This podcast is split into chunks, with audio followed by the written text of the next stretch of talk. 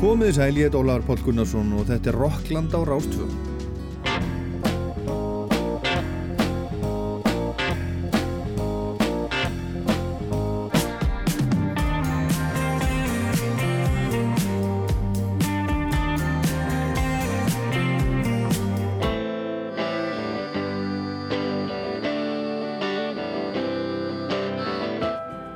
Þætturum í dag er þrent aðalega á dagskrá.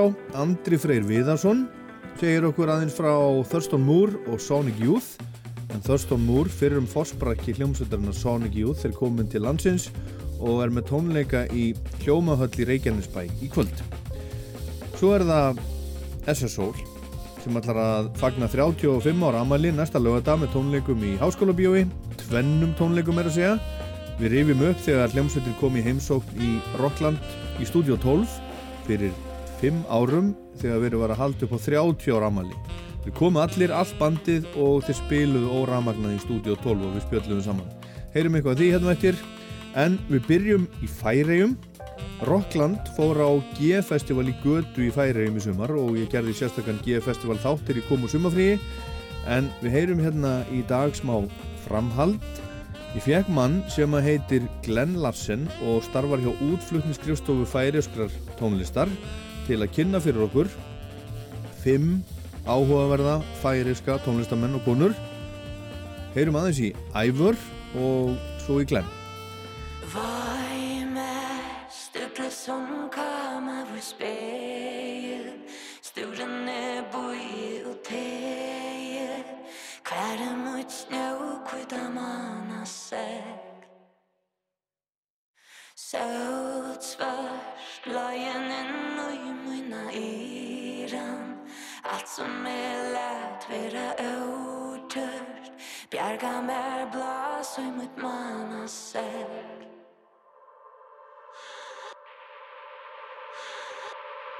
Ah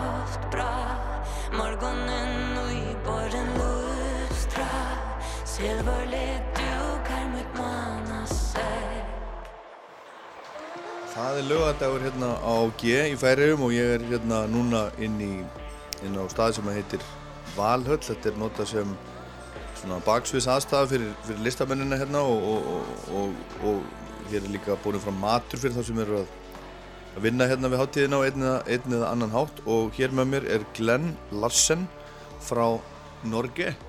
That's correct. Yeah, yes. yeah, yeah. I'm not good in, in uh, Norwegian. I don't speak Icelandic. And you so don't speak fine. Icelandic, so we have to have to uh, use English. Yeah, Um, you are the head of the uh, of the Faroese music export. that's correct. Yeah. That is like a new new new position. It's a fairly new position here. It started late 2019, which was a terrible time to start an export office, Uh-huh. obviously. uh, so, Fred, who ran the office before me, he had a couple of challenging years trying to export music during Uh-huh. COVID. Uh, I was lucky, lucky enough to start now, so my uh, Yeah. it, it looks a little better better for me. But how did you end up in in this job? You from the man from Norway, and, uh, and why is there not a Faroese person doing this job? Uh, I can start by answering the first one first Yeah. to make it easier. Uh, my background is from management. I manage several Norwegian bands. All of them played in Iceland uh, airways like High as a Kite and Pompoko and some others. And I was invited here in 2020 over to the award shows they have. And at that time, actually, COVID happened while I was here. So I was actually struggling getting home all of a sudden. Wow. But I got some friends here, and uh, I always wanted to go back. And then after a while, I thought, in Norway, you weren't even you were allowed to have two friends in your own house. That's all. And I called my friends here and I said, How is it in the Faroe Islands? They said, No COVID. We have restaurants, we have shows, we have cafes. Come. and I, I bought tickets and I was supposed to stay for five weeks.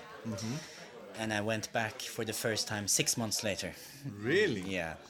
And then I traveled a little bit back and forth because been to a place for six months, you get friends. Uh-huh. Uh, and then all of a sudden, this position opened up because Fred got a bit tired of COVID and wanted to, to move to France instead.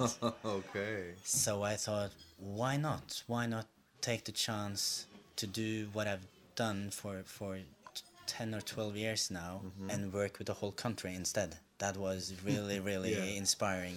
Yes, so, I just went for it. So it's it, it, it's it's it's kind of like the same thing to to manage a band and to manage uh, music scene in a country. I, I would think so, at least uh, in the start of someone's career, when it's about connecting them to the outside world and giving them opportunities and showing them to people and yeah, just making uh, acquaintance with, with people across the borders and stuff like that. So, uh, yes, very much so, I would think. And you are going to choose for us today on the show five artists and five songs that we are gonna play with those artists. And uh, let's talk a little bit more after after the uh, first song about about how, how things are. And you're you're gonna start with with a band called a band called Horse.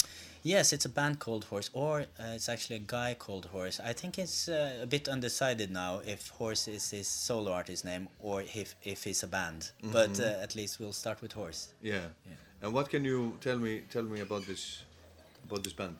Horse, uh, his real name is Ragnar Finsen, a young, very talented guitar player and, and songwriter, uh, which came on my radar quite early when I when I came here. I uh, it's kind of a what do you call it, uh, folk pop with a little twist, good lyrics, good uh, good guitar playing, a good really good head on his shoulders.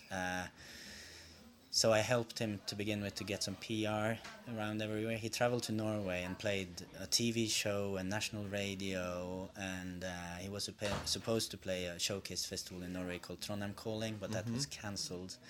And now he's just in the beginning of his career, but he's one of the most talented musicians I know here, for sure.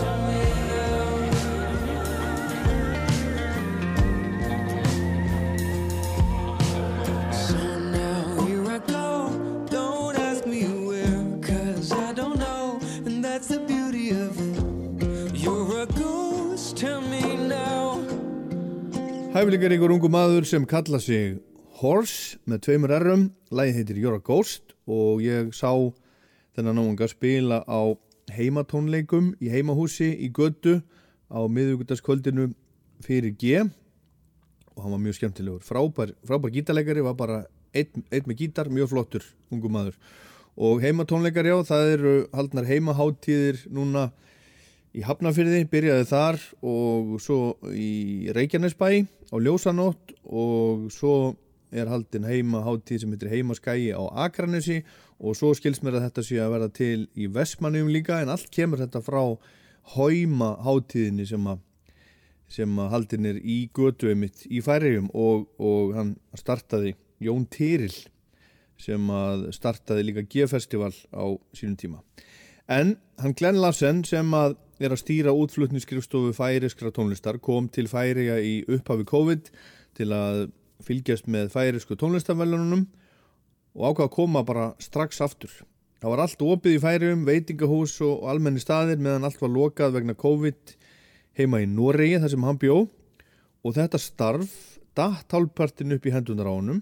Hann er búin að starfa sem umbósmaður í mörg ár fyrir hljómsveitir eins og High as a Kite og Pom Pogo til dæmis sem var spilaði mitt á G í ár og honum finnst þetta spennandi starf að vinna við að markasetja ekki bara einhverjar eina, tvær hljómsveitir heldur tónlist heitlar þjóðar. Faroese Music Export as we say in English but in, in Faroese it's called what? It's called Faroese Music Export. Oh, okay, so you, or it was you- quite. I, I'm, my Faroese isn't that good yet. I No. understand Faroese, Yes, but uh, and you are you are learning. You are starting to learn. yeah, quite a lot. So Yeah. they speak Faroese to me, and I reply in Norwegian normally. Okay, and and you understand understand each other. Yes, Yeah. How uh, close to Norwegian is it? it's not very close. It's some of it is are close to uh, dialect on the west coast, Mm-hmm. but uh, fair, it's based on the same language like a thousand years ago. Yeah. So many people think that it's like old Norwegian. Yeah. It's like Of course, it, it it's the same language, Icelandic, Nor- Norwegian. Yes, correct. And, and here we are talking English, and I'm sure that some of our listeners are not happy about that. But no, but we will take. We have to take take the chance. You came here uh, for a visit, and and and do you live here now? I live here uh, mainly. I have an apartment here. I'm Mm-hmm. here most of the time, but I, I've kept um, my apartment in Oslo just so I can uh, go back now and then and visit my family without staying in an Airbnb Mm-hmm. yeah, and stuff yeah. like that. Yeah. But I would say that I live here. Yeah, Yeah. I do. And and do you have a have a family here, like uh, wife and children? no, I don't. Unfortunately, um, don't like to talk about my private life that much. I don't have a wife and children. okay. That's what made it so easy for me Yeah, to, to go yeah, in the yeah. first place and just trust my instinct. But I have so many friends and good connections, and uh, it's it's a rich life, I think. And next next uh, artist, Brimheim. Yeah. Brimheim. Brimheim. What is that? I've never never seen that. or heard. Brimheim is uh, a woman, uh, a Faroese Danish woman living now in Malmö together with uh, with her wife. Uh, I don't really know the whole story there, but I know they're living in Malmö because of some visa situation because her wife is American. I'm not, yeah, probably said too much already. uh, but she's one of the kind of biggest hypes f- coming from Denmark because they partly see her as Danish. Uh, she re- released her debut album now recently and got like amazing reviews everywhere. Um, she's absolutely the, the album she released this year is my favorite album. Uh, not only in the, in the Faroe Islands but everywhere. And the song? I think we should play Amanda, or Hey Amanda, it's actually called.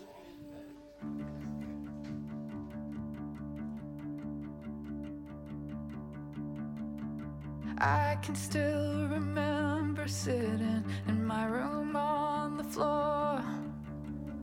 You just turned 11, so had I. Three weeks before, we'd be on the landline talking. My dad yelled from down the hall to just invite you over and get off the phone.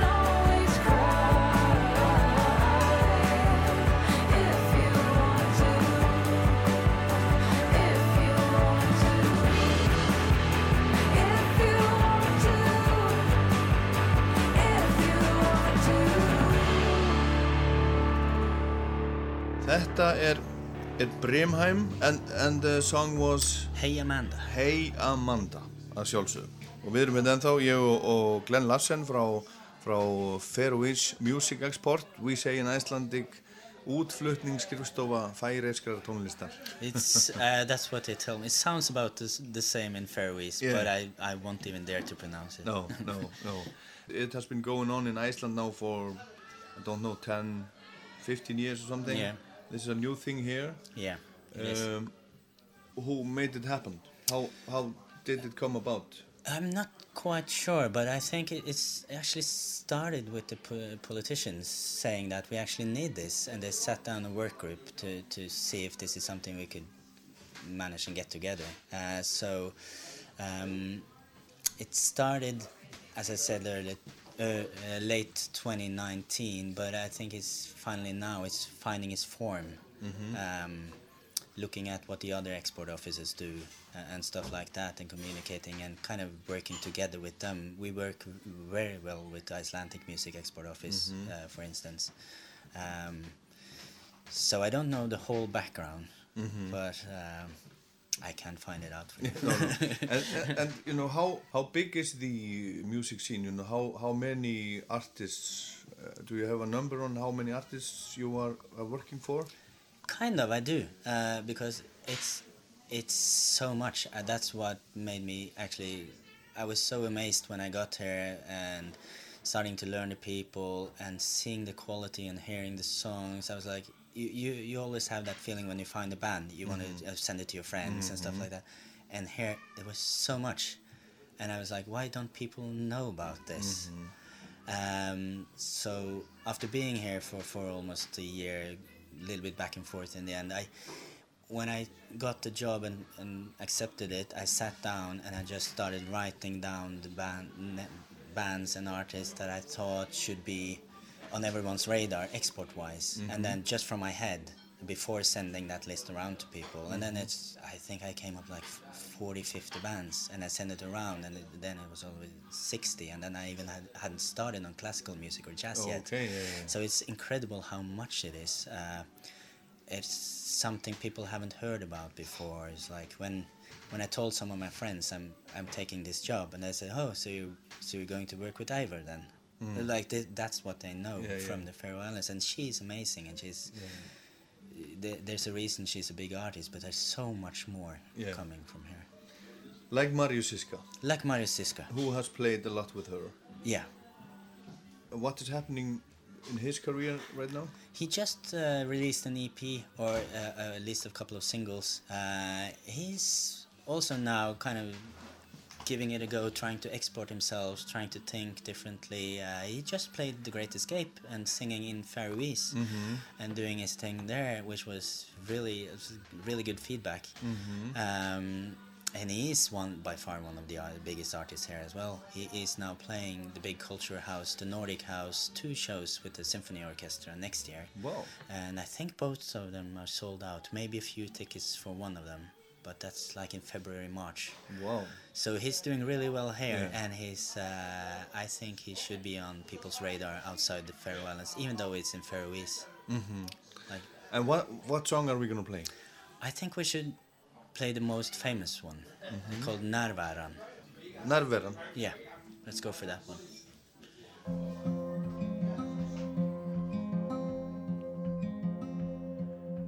Så kom över en flammande Utan att se mer Fra bara så Var hon nattor her. Nemur hjärsta mitt boi så gå Tidje som om hon er Moin men jeg vet At hon bor roi return Tom fer ner men et to er ei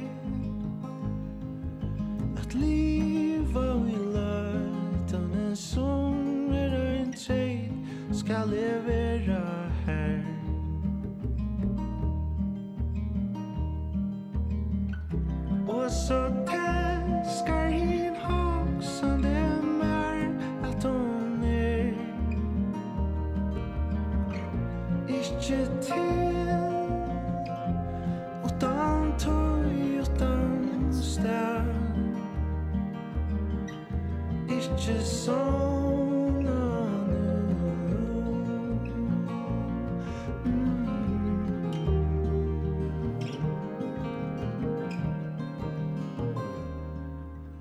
Sterskar känslor hållt och blå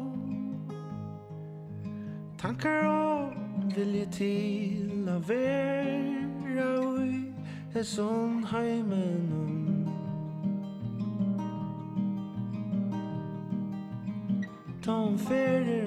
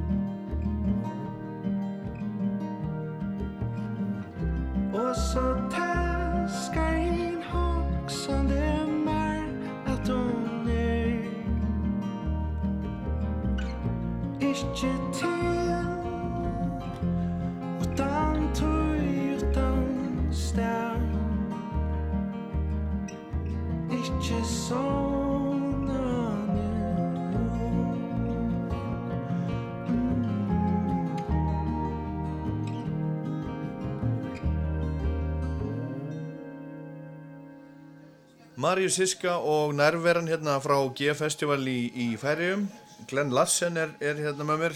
Hann vinnur fyrir, fyrir uh, færisku tónlistar útflutningsskrifstofuna og við vorum að hlusta hérna á Marius Siska á færisku What do you what do you recommend uh, about? Uh, This is this has always been a big thing in the Icelandic music scene also. Should an artist who was who is trying to uh, go get, get abroad should he sing in English or should he sing in Icelandic That's a difficult question because I don't think there's an answer. Uh, I, I get that question a lot here, but you have you have a lot of music in where the artists are singing in their own language, and it always it always sounds better, more like musical. Is often, and you you get the people are trying to translate the song, and it doesn't. You can hear that it's been translated if you mm-hmm, understand what I mean.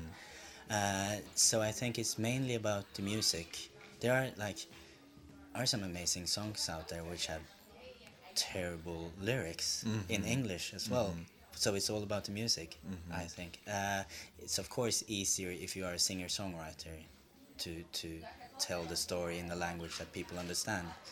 But I think it's about the atmosphere yes and the kind of music. and you can also like if you're a singer songwriter you can before you perform the song you can tell people a, a little bit Yeah. a- a- about Yeah. it and then they listen Yeah. with a different perspective That's what. It's completely true. Uh, Marius Siska, when he played his first show at the Great Escape, uh, he, after the first or second song, he, he he took the microphone and he talked to the audience and said, uh, "You don't understand the lyrics, so you just have to trust me. They're really beautiful." that's good. that's, very, that's very good. That's very good. And and um, they are maybe not so so beautiful the, the lyrics that uh, that they uh, sing uh, Joe and the Shit Boys. No, that's um, they're beautiful in a different way, Yeah. aren't they? yeah. What can you tell me about this band? Now I have I have seen them here now twice. Yeah. They're very entertaining, like a like a punk band. Yeah. Short songs, entertaining, lots Yeah. of energy.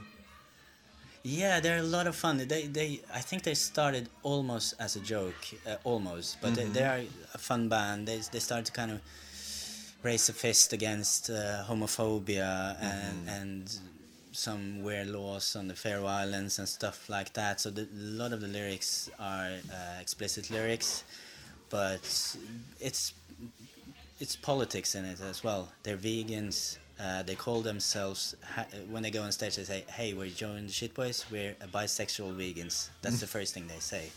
Um, I don't know the full story about that, but uh, it's partly true. That's what I know. So, mm. Okay, they they play such uh, short songs. I think we should have one song and Yeah. then another song. Okay, we can try that. Yeah, the first song that we hear now. I think we should try to play uh, "I Pull the Trigger."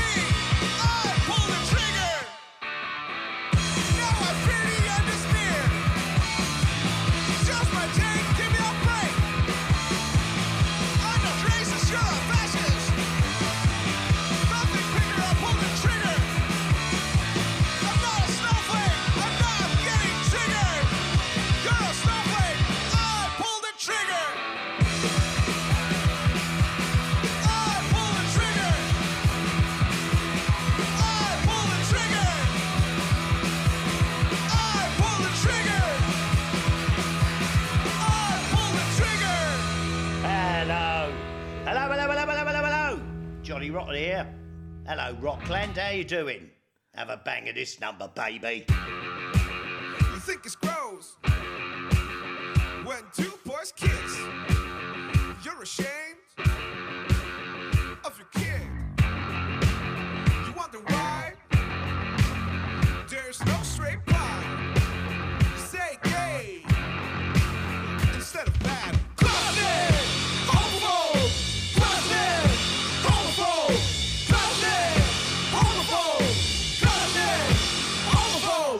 Joe and the Shit Boys, uh, Closeted Homophobe heitir, heitir þetta lag og við sittum hérna þó ég og, og Glenn Larsen sem að er að hjálpa færiskum tónlistamönnum að, að koma sér á framfæri í, í útlöndum. How, how, how is it, how is it, how is it going? Is it, is it get, is it, is it, is it like easier than you thought or is it more difficult? And how is getting you know, an artist from a small place like the Faroe Islands to festivals in Europe scene? Uh, I think it's going better than I hoped for, but I, I, I took on the job at the perfect time with with the, the whole world opening up again, opportunities coming in, people being very positive. Um, I use my contact from the management background. Uh, like I said earlier, it's about presenting thing you, you love to your friends. Uh, so we actually now had like four Faroese acts playing The Great Escape. We will have some playing Reeperbahn Festival in Germany. Um, and then also Iceland Airwaves will actually have five uh, five Faroese acts playing this year, which is a big big thing for them. And and a lot of now, kind of when we started getting going, there's a lot of incoming requests, and you see that the ball is rolling. So I think it's a lot of fun. Yeah, it's uh, yeah, it's the best job in the world So right now. yeah, yeah, yeah, yeah. So so is it is it so you have a good relationship with Iceland Airwaves? Yes, I would say so. Yeah. Are you uh, thinking about you know staying here for a long time? Yes, right now I don't. I I've decided not to plan.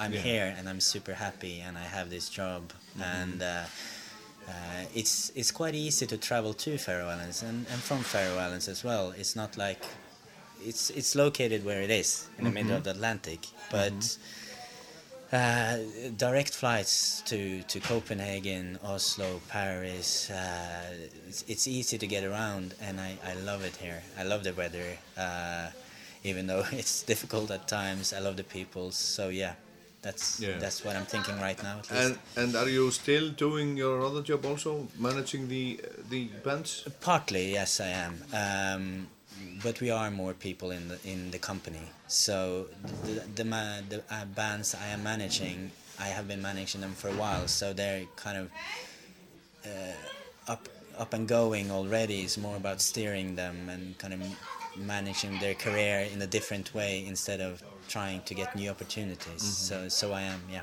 Okay, the last the last of the five five songs that you're gonna, or the five artists that you're gonna pick for us today. What is that?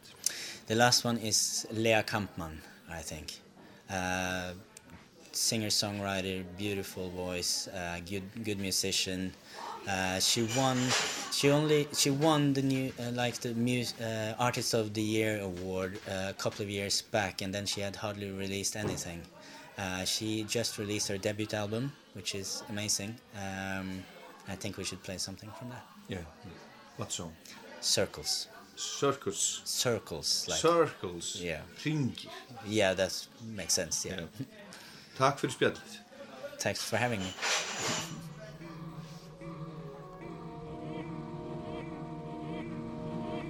I run in circles, hoping one day you'll see.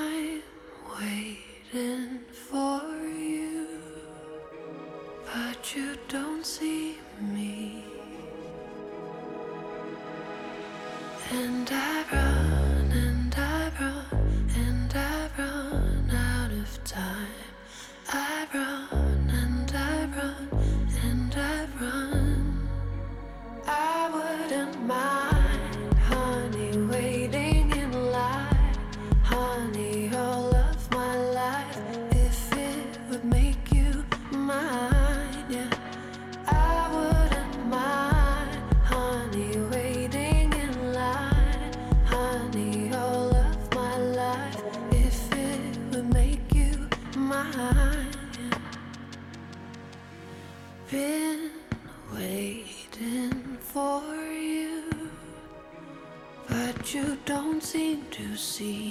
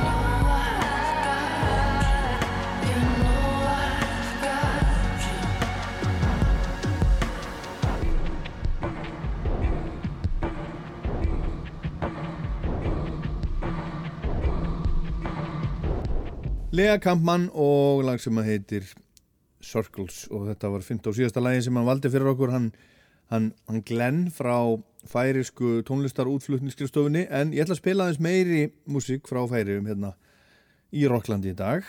Við skulum heyra næst í eins og við myndum segja Guðrýð Hansdóttir hún er kölluð Gúri Gúri Hansdóttir, hún er sem sagt færisk tónlistakonna bjó á Íslandi í nokkur ár en flutti aftur heim til færiða fyrir nokkur árum og á held ég, örglega íslenskan mann. Hún býr á stað sem heitir Velbastaður. Einhver staðar hann ekkert vola langt frá götu held ég að það sé og þar býr æfur líka eða, eða er með eitthvað hús til afnóta eða á eða eitthvað svo leiðis hún talaði um það þegar við tölum saman á G-festival í sumar en Gúri Hansdóttir, hún er að koma til Íslands til þess að spila á Æsland Erfæfs núna í ár, gaf út blödu fyrir þessu ári sem heitir Guldmyrkur og við skulum heyra lag sem heitir Tré eða Tre, Træ og Æfur syngur hérna með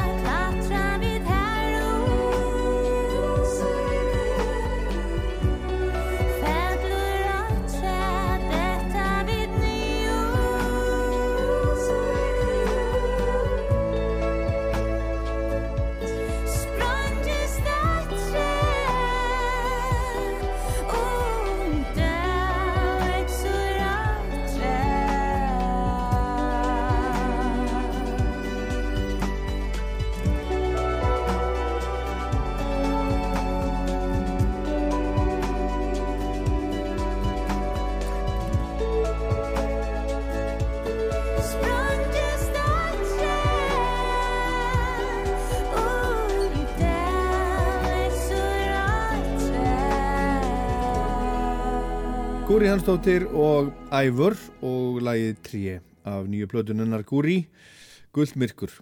Og ætla að spila annar lag með Guri sem hún gaf út fyrir, fyrir nokkrum árum og hefur svolítið verið spilað. Eða var svolítið spilað hérna á rástöðu þegar það var nýtt það heitir Pegasus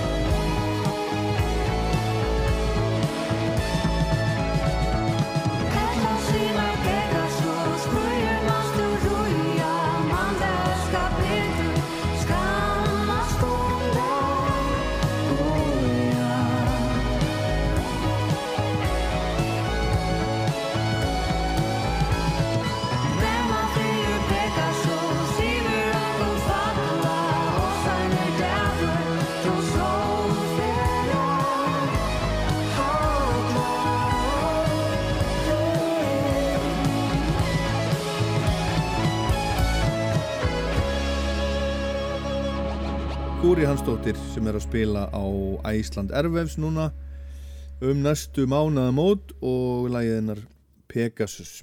Og þarna syngur með henni annar frábær tónlistamæður frá færiðum sem ég held gríðarlega mikið upp á.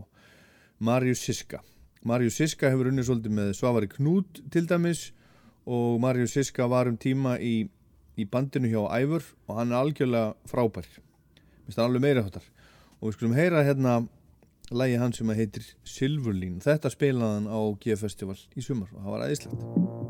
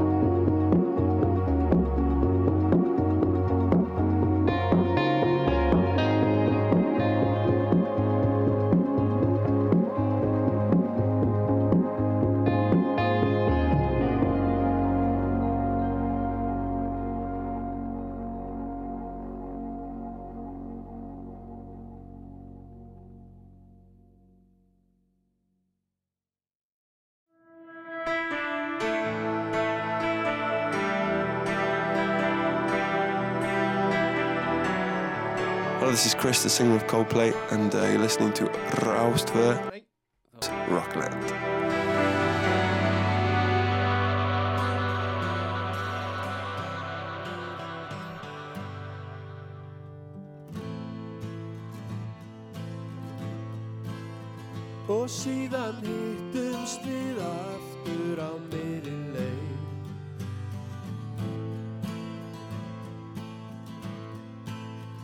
Og síðan hittumst við aftur á meiri leið.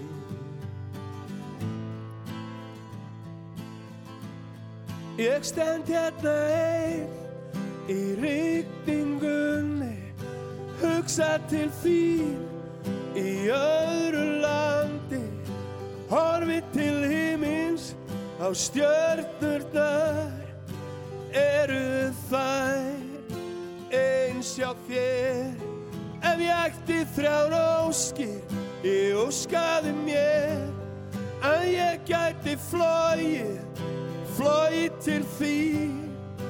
Yfir fjöll Yfir höf Til þín.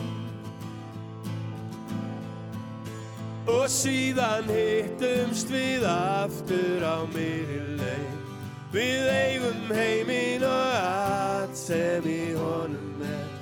Og síðan hittumst við aftur á meiri leið. Yeah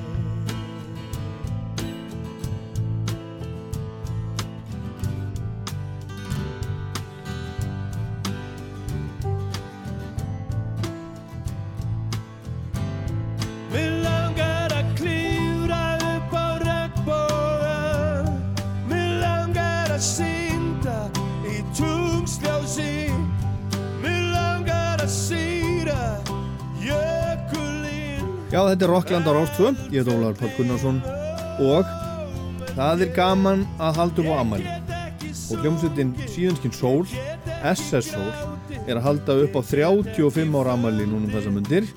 Og þeir ætla að fagna því strákarnir með tónleikum í Háskóla Bíói næsta lögadag, lögadagskvöld, 15. oktober, með sér með e, tvennum tónleikum Það var í hlaðvarpanum í Kvosinni í Reykjavík í þykri snjókomu þar sem tapasbarinn er núna til húsa 25. mars 1987 að hljómsveitin síðan Skein Sól held sína fyrstu tónleika.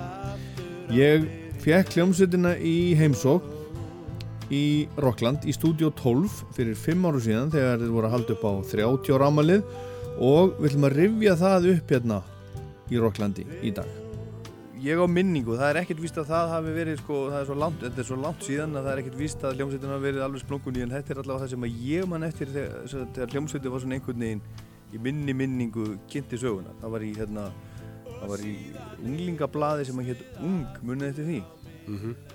Það var viðtal við þessa nýju hljómsveit. Ný hljómsveit kynnti sögunar og það var hérna en ég held reyndar að sko fyrsti trommarinn Pétur Gretarsson hafi ekki verið með þar heldur, heldur Ingo var sett Ingo og, og hérna og Eyjó, eh, Ingo sem var í rauðum flötum, Eyjó sem hafi verið í, í Tappa Tíkaras og, og Wonderlust, ekki? Wonderfuls, ég meina það. Helgi náttúrulega í, í grafík og, og Koppi í, í Tappa Tíkaras og, og uh, Das Kapital og MX21 þannig að þetta var svona Og grafík. og grafík, já, supergrúpa. Svona supergrúpa. En ég man ég hugsaði hvað er hann Helgi Björs að hugsa með þetta nafn á þessa hljómsveit síðan skein sól hvað, hvaðan kemur það? Já, sko, það var önnur til að í gangi reyndar. Það var yfir á gulu. Þannig að... Það hlut ekki breyta gengi. Nei, mér finnst alltaf svolítið gott sko. Okkur fannst þetta svolítið gott. Það voru ykkur bönd hann út í heimi sem héttu svona ykkurum löngum setningum, var það ekki? Mér minni það. Gæti verið sko Ég, ég man bara Helgi ringdi í mig, ég var í vinnunni Sagði ég kom með nafnabandið Já. Já, ok. Síðan skein sól Ég hugsaði bara, hann sko. En, en En þú veist Þetta, þetta hérna Var En- nú ofan á? Þetta var það ná, sko, en hérna hugmyndin sko á bakvið þetta var, hjá mér var alltaf sko að hérna fá eitthvað svona stórt nafn sko. Þannig sem og, og, og hugmyndin var alltaf sko að þetta er í síðan kallu sko sólin sko og sólin er að koma sko og svo væri þetta orðið svo, þetta væri bara sólin skilur og þetta væri Já. svo, og sól, músík og, og sólin bara að mæta sko Já, sem hann Það alltaf er- gerðist. og er eitthvað til stærra heldur en það sko. Nei. þú veist ef að sólin er að koma það er eiginlega ekkert sem toppar það ekki Og það tungl- náttúrulega toppar það ekki Það er náttúrulega gerðist. og það gerist Ef það er með einu enni þá er það svoleiðis. En ef það er með tveimur enni þá er sólinn. Já. reyndar og það hefur nú verið Já, áður. sannaðist síðar. Þannig að hérna, já, já, þannig að það En var yfir á gulu, það er nú svolítið hættulegt nafn, skilur. Já. Svona, já, já, það er Það verður að drífa sér mikið þar. Sko, ég sá hérna, ég var að, var að fletta aðeins á tímarit.is og svona og, og, og 16. janúar 1987 kom út fyrsta tveggjalaga platan sem ég á hérna, ég kefti þetta. Værið þið til í að spila til dæmis annað lægið af þess, þessari blödu? Getur reynt það? sem kom út uh, vantarlega í svona júni 88 myndi ég halda kom út um sumarið 88 Já, þetta er hérna, hún var stopnu hljómsveitin 16. janúar 87 og, og svo kom þetta náttúrulega, náttúrulega síðar. Það getur passað. Það er nú verið flott að við höfum komið út, við út plötu sama dag við stofnum hljómsveit. Það er lí- lýst miklu metnaði. Já. Herru, ef að taka blöytar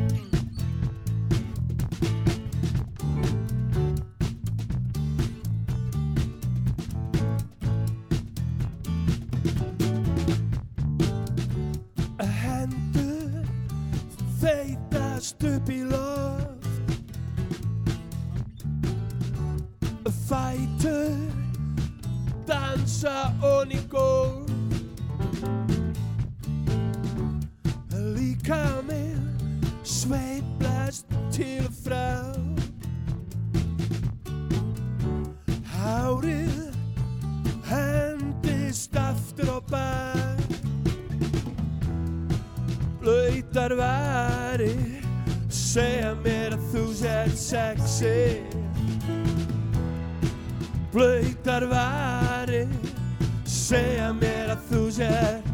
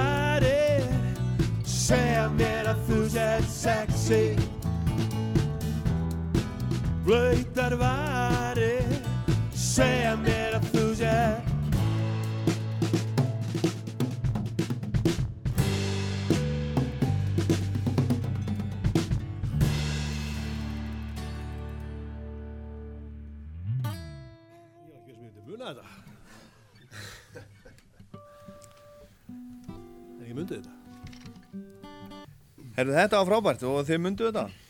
Við myndum þetta, já. Engi vandi? Nei. já. Er þetta, sko, hérna, þjóðvilin, þjóðvilin gamli sem að ég var að, sem ég var, var að glugga í á netinu, hann sagði að hljómsveitin hafi verið stofnuð 16. janúar 1987, svo kemur þetta út í júni, þessi tveggjalaga plata. 88. Eina sem við gáum út 87 var eitt lag á plöndinni Vímulegs æska. Já, býtur nú við, hvaða lag var það? Skemmtileg nótt. Án vímu þá, vantilega. Þessi skemmtilega nótt. Já, já. já. Ég man ekki eftir því. Ekki heldur. Ég man ekki alveg eftir læginu sko Nei, en getið þið svona rifjað aðeins upp svona, svona smá af því eitthvað Eh, Það, ég varst í stórlöfum Ég Ég, ég hef ekki Ég var reyna. grunn, hvernig það er Ég- hérna- Þú- Jakob það Ég er vissi ekki með það, ég er með það alveg í hausnum Ég get ekki Já, sungja, ég ætla ekki að syngja fyrir ykkur Nei, spila það þess Teldu það síðast. Nótt.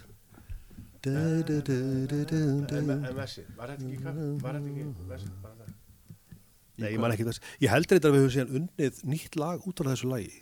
Já, allt í plati. Allt í plati. Þetta Ingo kom með þetta enda, Já. Allt í plati er á fyrstu plötunni. Já, já. Sem var við endur þetta er sko þannig er við sko endur nýta sko Já. strax. Strax sko þarna. Umhverfisvæn hljómsveit. umhverfisvæn hljómsveit. Já. erum yfirleitt verið á þeim nótum sko. Já, ég man ekkert eftir þessu leið Nei, sko hérna bara svo ég hlaupi hérna yfir kannski árið Já, förum aðeins yfir árið þá hérna 87 Já. að það var sko það var ekkert sko við, við stopnum hljómsveitur raun- reyn í rauninni samkvæmt mínu minni, þú er réttið mig ef að þetta er ekki rétt hjá mér hérna fyrir áramót ákvæm að byrja að vinna var ekki svoleiðis? Jú. Já, Svo þetta 86 þá Já, eða þannig sko. En, en svona ákvæm að hittast saman. Og svo byrjuðum við að vinna á fullu krafti í janúar. Já. og sem sagt æfðum mikið þarna í janúar, februar og mars. Þangar til við spilum þetta fyrsta gig. Kom okkur upp efni á þessum þreymum mánu ef ég maður rétt. Já, já. Og spilum þarna til þess að 25. mars 1987 og spilum svo einungis þrjú gig í viðbót þetta árið og tókum upp þetta eina lag, skemmtileg nótt og spilum þess að í Tónabæ Hotel Borg og Löðarsöll og. Löðarsöll var sem sagt hluta þessari þetta var 16. júni gig sem að voru mjög algeng á þeim tíma og við hittum upp fyrir eitthvað, eitthvað erlendarhljómsveit, var ekki Blow Monkeys og Ég, neða, það var eitthvað jú. Það var alltaf hlaðvarpin hann fyrst Já, já, já, já, hlaðarpinn og hérna síðan gerðum við ekkert meira þetta árið Já, já já, og, og hérna Pétur Gretast hætti síðan í hljómsveitinni Já, hann er þarna hann er, Hann er með ykkur já, Þá þetta er það já. Eyjó, síðan, Helgi, Kobbi og, og Pétur Gretars Já. síðan kemur Ingo inn um áramótin og þá má eiginlega segja að þetta hefði svona fyrir alvöru sko. Já. Já. þá fórum við að æfa mikið og spila mikið meira af tónleikum og svona Já. og gáum út sem sagt þessa fyrstu plötu sem er þessi tóltoma Já. blöytar varir og bannað Já. Um sumarið, ég man ekki nákvæmlega hvenar júni Já. myndi ég halda Maí, Pétur er, hann er skráður fyrir þessu með ykkur? Hann er skráður fyrir blöytum vörum. Hann sem sagt samdi það með okkur. Já, já. En hitt lagið? Nei, það gerum við eftir En- að En það er líka gaman að geta þess að sko fyrst þegar við vorum að byrja þá æfðum við alltaf sunnundasmótt það var eini tíminn sem að við gátum hist allir sko einhvern veginn vegna vinn, annara vinnu og Já, já. hérna, akkurat, við Pétur vorum að leika það saman. Já, landmínsföður, Já, landminsföður sem að var og er hann uh, sí, sko, s- he, he, sló eitthvað síningamett sem, sagt, sem hefur ekki verið slegið síðan 250 síningar þannig að við leikum svo sexinum í viku. Og strákarnir voru að vinna sem sagt, dagvinnu. Japís Japís, já. Ég og ég þannig að við æfðum á sunnudagsmótnum klukkan 11 á messutíma. Nákvæmlega. Það finnst mér að sé gott. Og, og, við, við, og æfingar fóru þannig fram að hafa sett kassetutæki bara á rekk 60 mínúna spólur, minnum mig, eða 90 Já. það verið 60, það voru betri. Já. settu bara á rekk og svo var bara djamað Já. Svo var hlustað og valið úr. Og þetta kom út úr því? Já. Ef að heyra hérna hitt lagið af blötunni Bannað. Bannað. Er einhver, er einhver saga? Af, af blötunni sko Ég man að þetta var samið í hérna kjallarinn hann á Grettiskutinni undir bílrúðinni sem var brann um daginn. Undir bíl Já, Það er bílrúðan já. fyrirtæki róan lágum undir bílrúðu. Þannig að það hefur verið 88 allavega Ingo er mættur. Þetta hefur verið mættur að verið veturinn 88 Já. Janúar, februar, mars Þetta er bara eitt af mörgum lögum sem hefur verið búið til á þessum tíma. Og Flotið náð til að komast inn á þessa tóltum Mhm. Bannað. Bannað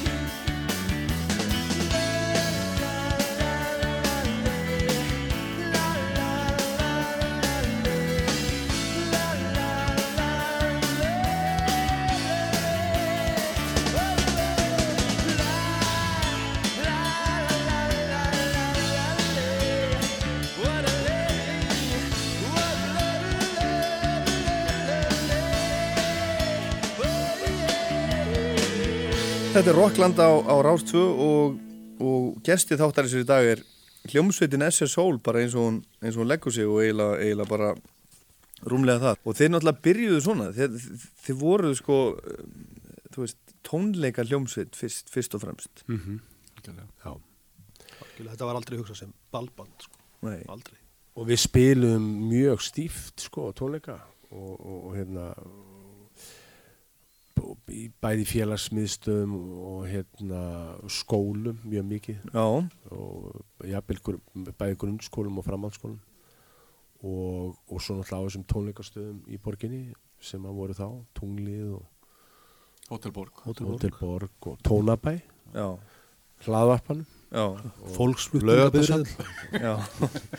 og þið voruð akkurat svona eða sem sagt allavega þegar ég sá ykkur fyrst þá voruð þið nákvæmlega svona Við vorum Vorum- fjórir, Ingo, Eyjó, Jakob og Helgi. Já, sem sagt með kassagítara Já, já.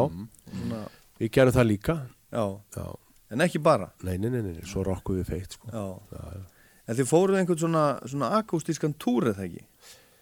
Jú, það var setna 88, 89 kannski, sumarið. Já, þá sem sagt vorum við í raun og veru byrjaðir að, að hérna að undibúa, við höfum verið í, í kjallaranum hjá Helga í, í herb, svona vinnu herbyggi sem hann hafði þar og, og spila svolítið á svona okkar akústísku hljófæri bara sem var svolítið öðru seldur en að vera í risastórum kjallara undir einhverju vegstæði skiluru þar sem við vorum alveg að blasta klukkan 11 og sunnudasmótnum að þá spiluðum við bara, vorum við bara með kassagitara og eitthvað svona dótskilur og við bjöggum til slatt af músík þar sem að við síðan ákvaðum að að hérna túra með uh, við túruðum í raun og veru uh, tókum hann einhverja hvað var þetta, 20, 25 dagar. Eitthvað. Já.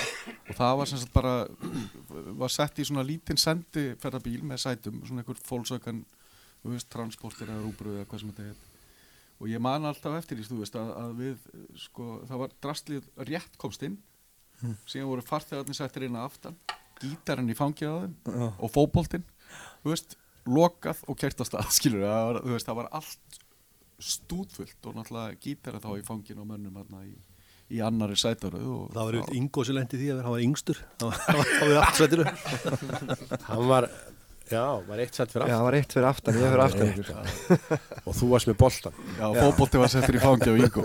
Svo voru þeir þrýr fyrir fram að mig. Já. Þetta var rosa gaman og þarna náttúrulega tóku við spiluðu við alveg rosalega stíft á, þessum tíma já, já.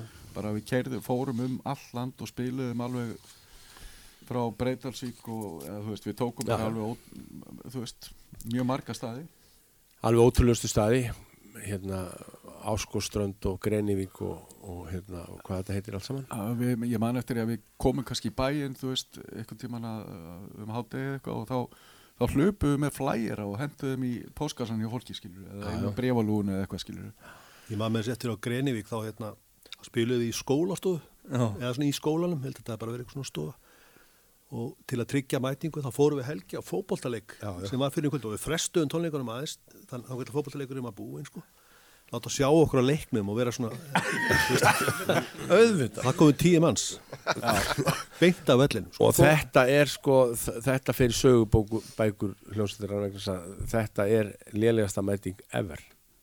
Já. Að það var á Grenivík 1989, það komu 11 manns, ekki 10. Nú, það voru 11 manns, fyrir ekki ég glemdi það neina Og hérna, já. Það var samt skemmtilegt gig Mjög skemmtilegt. Ég man eftir því líka Við náttúrulega vissum ekkert hvað við vorum að fara út í skilur En við vorum bara að lofa hverju öðrum því Við myndum alltaf spila Já. Þú veist, Ef það væri eitt sem myndi koma Þá myndum við taka Já, já. Já, þegar við ákveðið svo, svo, svona luti Já, já. En hvað með sko, sko þegar þið svona stopnuðu hljómsveitina og fóruð á stað eh, ákveðið eitthvað meira, ákveðið eitthvað svona, svona hvernig hljómsveit þetta ætti að vera? Eða svona rauninni hvernig ekki, sko. músíkin ætti að vera? Ég man ekki eftir því hafi... Nei, nei, ekki, ekki, ekki. Já, eflust höfum við nú gert það svona óbeint í einhverjum samtölum bara þegar við vorum að að spá og spekla og fá okkur eitt bjór og eitthvað, þú veist. En, hérna, en það var nú ekki, ekkert gefið út neitt manifesto fyrir, fyrir bandi, sko. Nei. En við vorum að hlusta á þetta ákveðna hluti sem kannski svona, þetta höfðu kannski ykkur áhrif. Ég man að Waterboys voru til dæmis svona í háum hafðir allavega. Já, ég maður því tíðanbili og það er sko líka sko hérna Waterboys sko þeir voru hérna í, í, í hérna í svona rockuðu svona 80s stuði sko. Mhm. En Erum svo við að tala náttúrulega um Fisherman's Blues eða eitthvað nei, nei, sko fyrir það Já. hvað heitir það Half of the Moon hérna, uh, Hole of the Moon Hole of the Moon, já Uh-huh. og hérna en síðan náttúrulega þegar gáðu þeir út sko uh, Fisherman's Blues væntalega 88 ef ég maður rétt og það má segja að súplata hafi haft svolítil áhrif á þennan kassatúr sko. Já.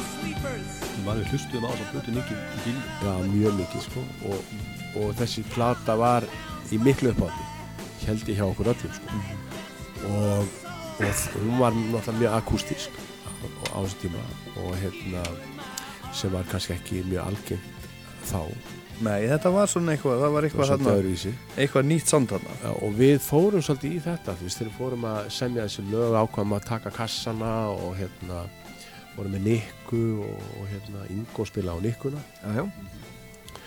og hérna og þeir fórum hennar túr, vorum bara fjóri og stundum var Jakob á kassa líka og stundum á bassa og Ingo og Nikku og, og svo Já. tók hann líka trommur og, og hérna og já, það má segja að þetta hafi svolítið verið Waterboys sem að hafi svona haft áhrif á þetta Ef að heyra eins og eitt, eitt lítið lag Já. Hvað má bjóða ykkur að spila núna? Nú eru, nú eru komin bara að fyrstu blötunni Heyri eitthvað, eitthvað af henni? Já, hvað er hérna Ef að taka svo marga daga. Svo marga daga, já. Gluggan Já, já, svo marga daga. Já, eða svo marga daga. Tökum svo marga daga. Svo marga daga sko. Það er nú svona eitt af mínum upp á sólalögum sko. Ef maður skjóta því hérna að fram í, fram í hlaupi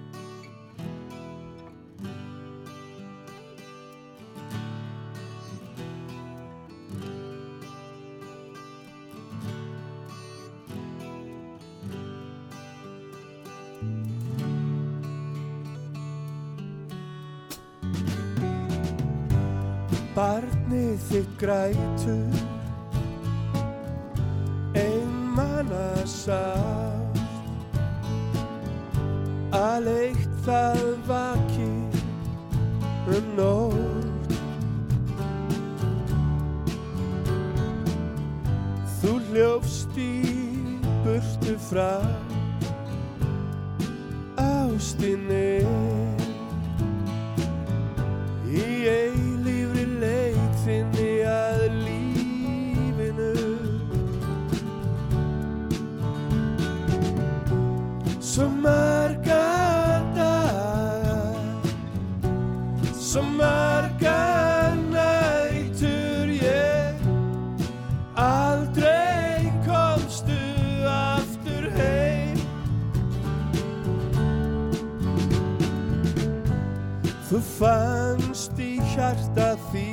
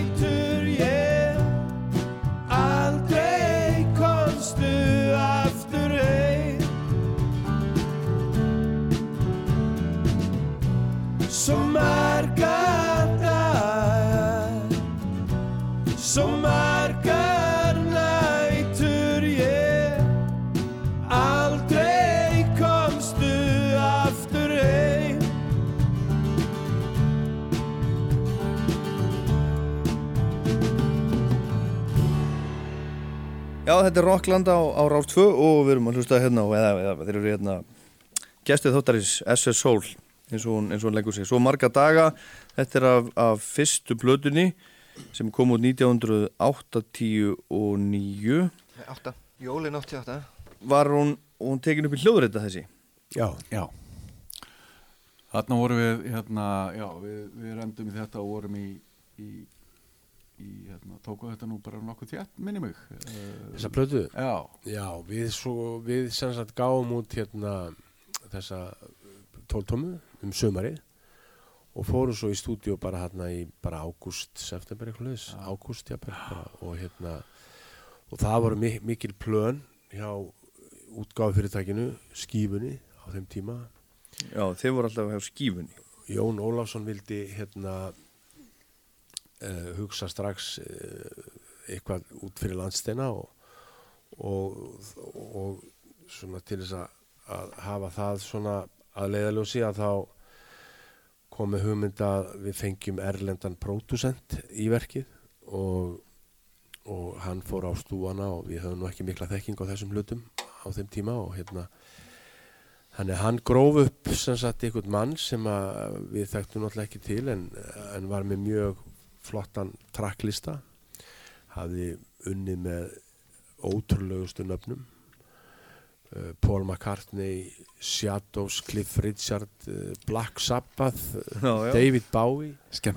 Uh, Jetu Já, já. Lawrence Olivier og hérna og, og fleirum og fleirum sko. Og hérna og hérna þetta leit allt mjög vel út og, og hérna þannig að við samþýttum það að, að, að fá hann til verksins og hérna hann kom en það hafði kannski láðust að að greina betur frá því að hann hafði nú ekki verið sko upptökumæður lengi heldur eh, einungis pródusent Já, já, að hann var bara svona að segja, segja Já, hann til. var svona, já hann Var svo- ekkert að já.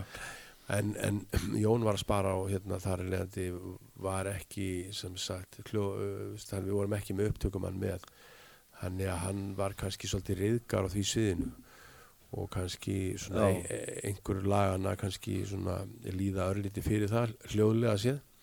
En hann var hins var ansið góður að svona að ná upp uh, góður stemningu og, og væpa þetta upp og finna svona já, svona pródusera þetta sem sagt.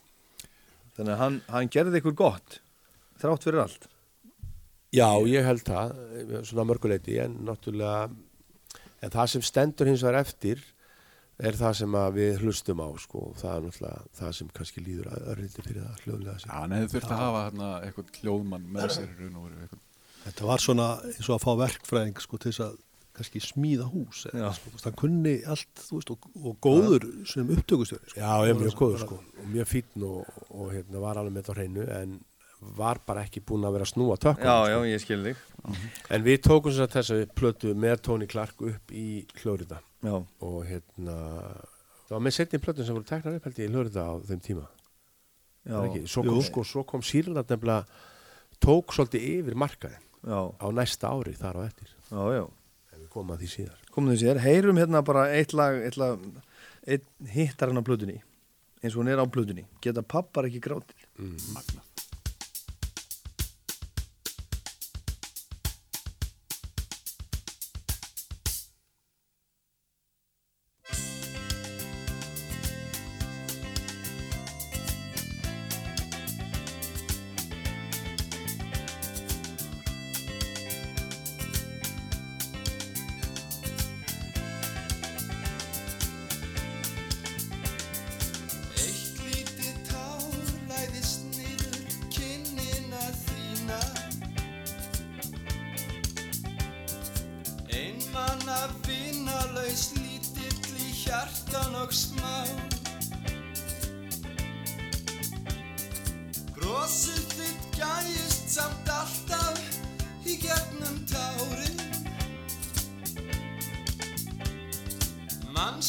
Hvað þú sáðir einu sinni við mig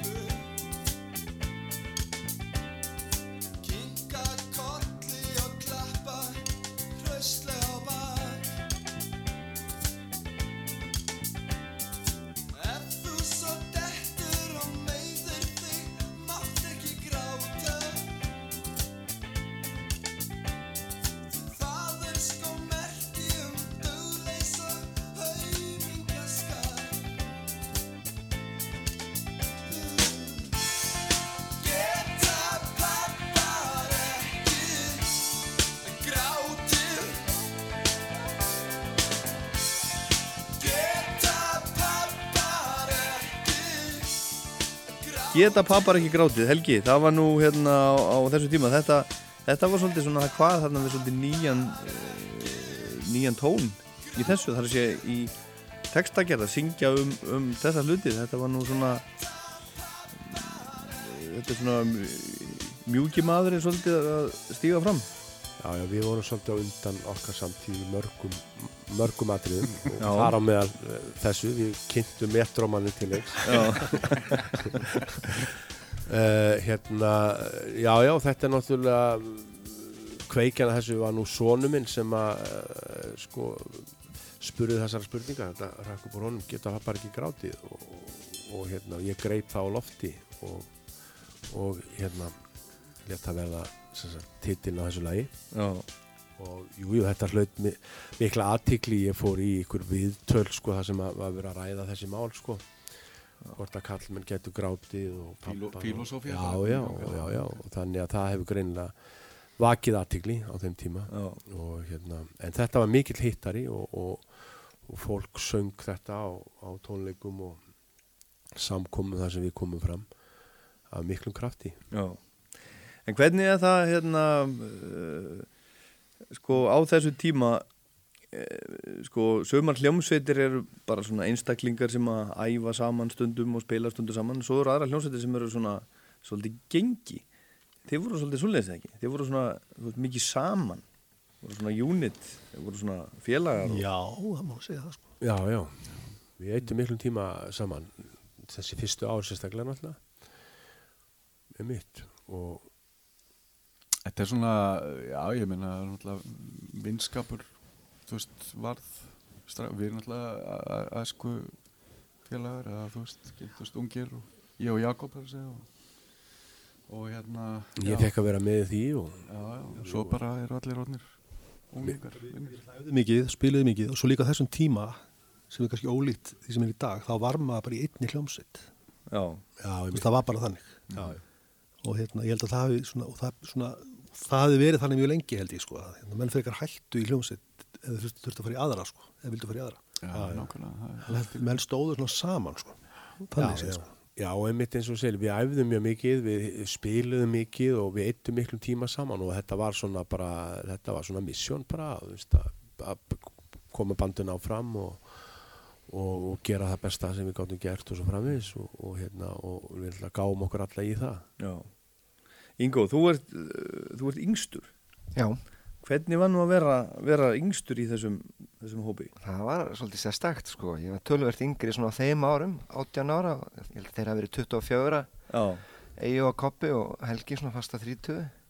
Þannig að það var svolítið bil hann á þessum árum, en mjög lærtónsrikt. Já, letur þið eitthvað finna fyrir því? Og, og, það, þú, þú var, var yngstur svona annað en að halda boltanum aftur?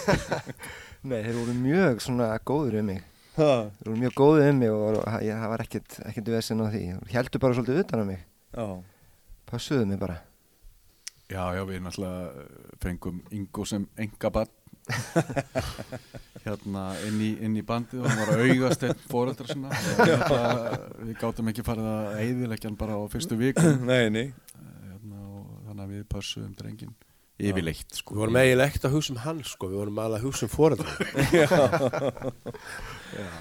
Þannig að við fengjum að hafa hann áfram. Já, já. Herðu, en mætti ég byrja ykkur um að, um að spila eitt lítið númer af, af þessari blödu? Það er nú bara algjörlega sjálfsagt. Já, Það er spurning hvaða númer það er. Já, þessari plötu? Já, við getum taka bara saman á ný. Jú, eða ekki, að því við erum nú saman á ný. Já.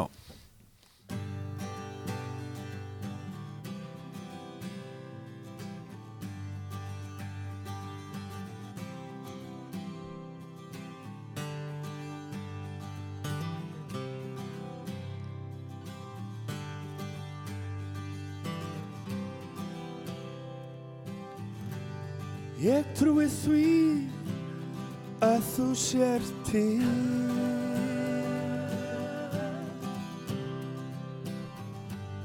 Ég trúi á eilíft líf.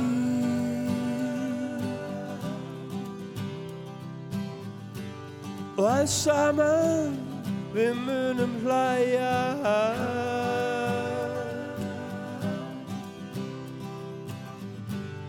Og að saman við munum gráta sárt. Vild við værum hjarta saman á ný. Vild við værum hjarta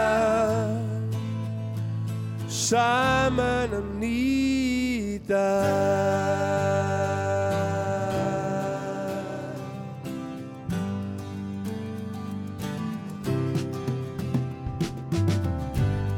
Ég trúi því að til sjást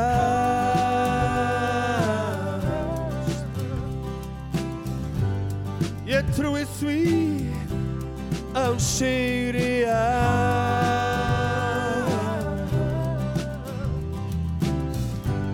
og að saman við sigurum hér.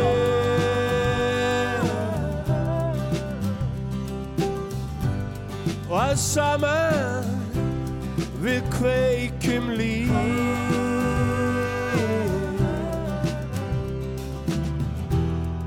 Vilt við værum hjarta saman. Vilt við værum hjarta saman á ný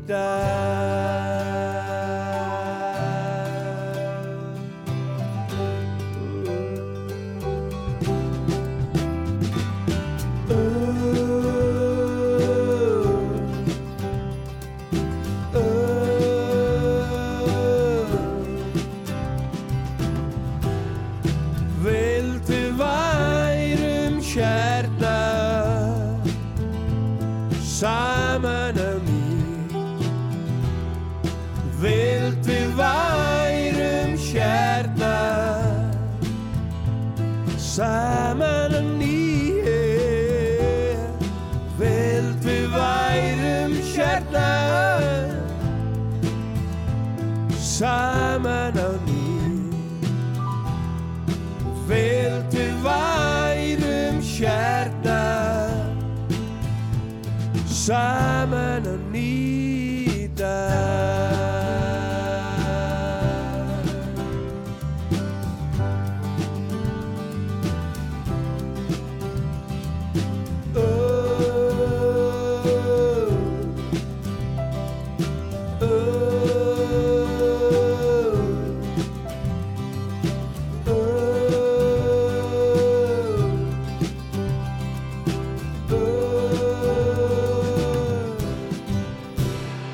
Saman á ný, þarna voru þeir saman á ný SS Soul í Studio 12 í Rúf í Rocklandi fyrir 5 áru síðan þegar voru haldið upp á 30 ára amalið nú er 35 ára amali og það eru tónleikar tvennir tónleikar núna í Háskóla Bíói næsta lögadags kvöld og ég segi bara góða skemmtun strákar og allir sem ætla að mæta á það. En það eru tónleikar líka í kvöld það eru tónleikar í Reykjanesbæ í hljómahöllinni í kvöld og þar stígur oss við engin annar en Thurston Moore fyrir um fórspræki Sonic Youth. Og Andri Freyr Viðarsson vinnur okkar úr útarpinu hann er eh, bara sérfræðingur í Sonic Youth þess vegna baði hann um að senda okkur hérna smá, uh, smá pistil sem hann gerði bara heima frá sér. Hello, this is Lee Ronaldo from Sonic Youth, and you're listening to Rockland on Rouse Tour. Gítargóðið Thurston Moore er kominn til landsins og ekki fyrsta skipti því hann spilaði tvisa sinnum hérna með sinni frábæru hljónsveit Sonic Youth á NASA og svo spilaði hann líka hérna á Baltimore Partysáttiðni á sínum tíma en þá með öðru bandi sem heitir Chelsea Light Moving. Og hann mun leika í hljómahöllinni í kvöld og taka fyrir okkur blötuna By the Fire En hvað er svona merkilegt við þennan, uh, já, slána, þennan ameríska 64 ára gamla slána sem að, uh, já, margi líti á sem terrorista með gítarinn. Það er hansi margt.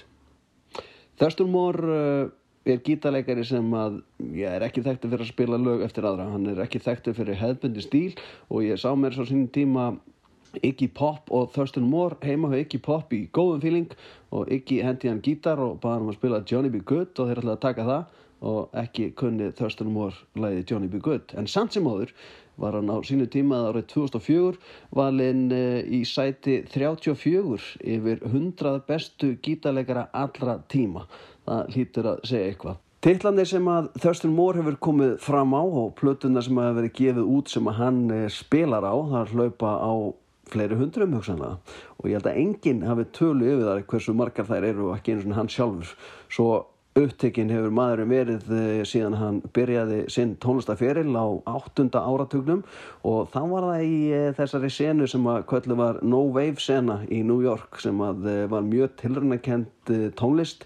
Og það sem að var spilað á hljófari með mjög óhefbundum aðferðum og, og mjög, með mjög óhefbundum hljófari líka. Og sumt að þessu voru ekki eins og hljófari þetta var bara eitthvað til að búa til hafa og upp úr þeirri senu þar fæðist hljómsveitin Sonic Youth og er stopnuð árið 1981 Áhrif Thurston Moore á uh, nútíma tónlist er gríðaleg og allt sem að uh, á einhvern nátt telst að vera indie pop indie rock, alternative eða hvað þið viljið kalla þetta.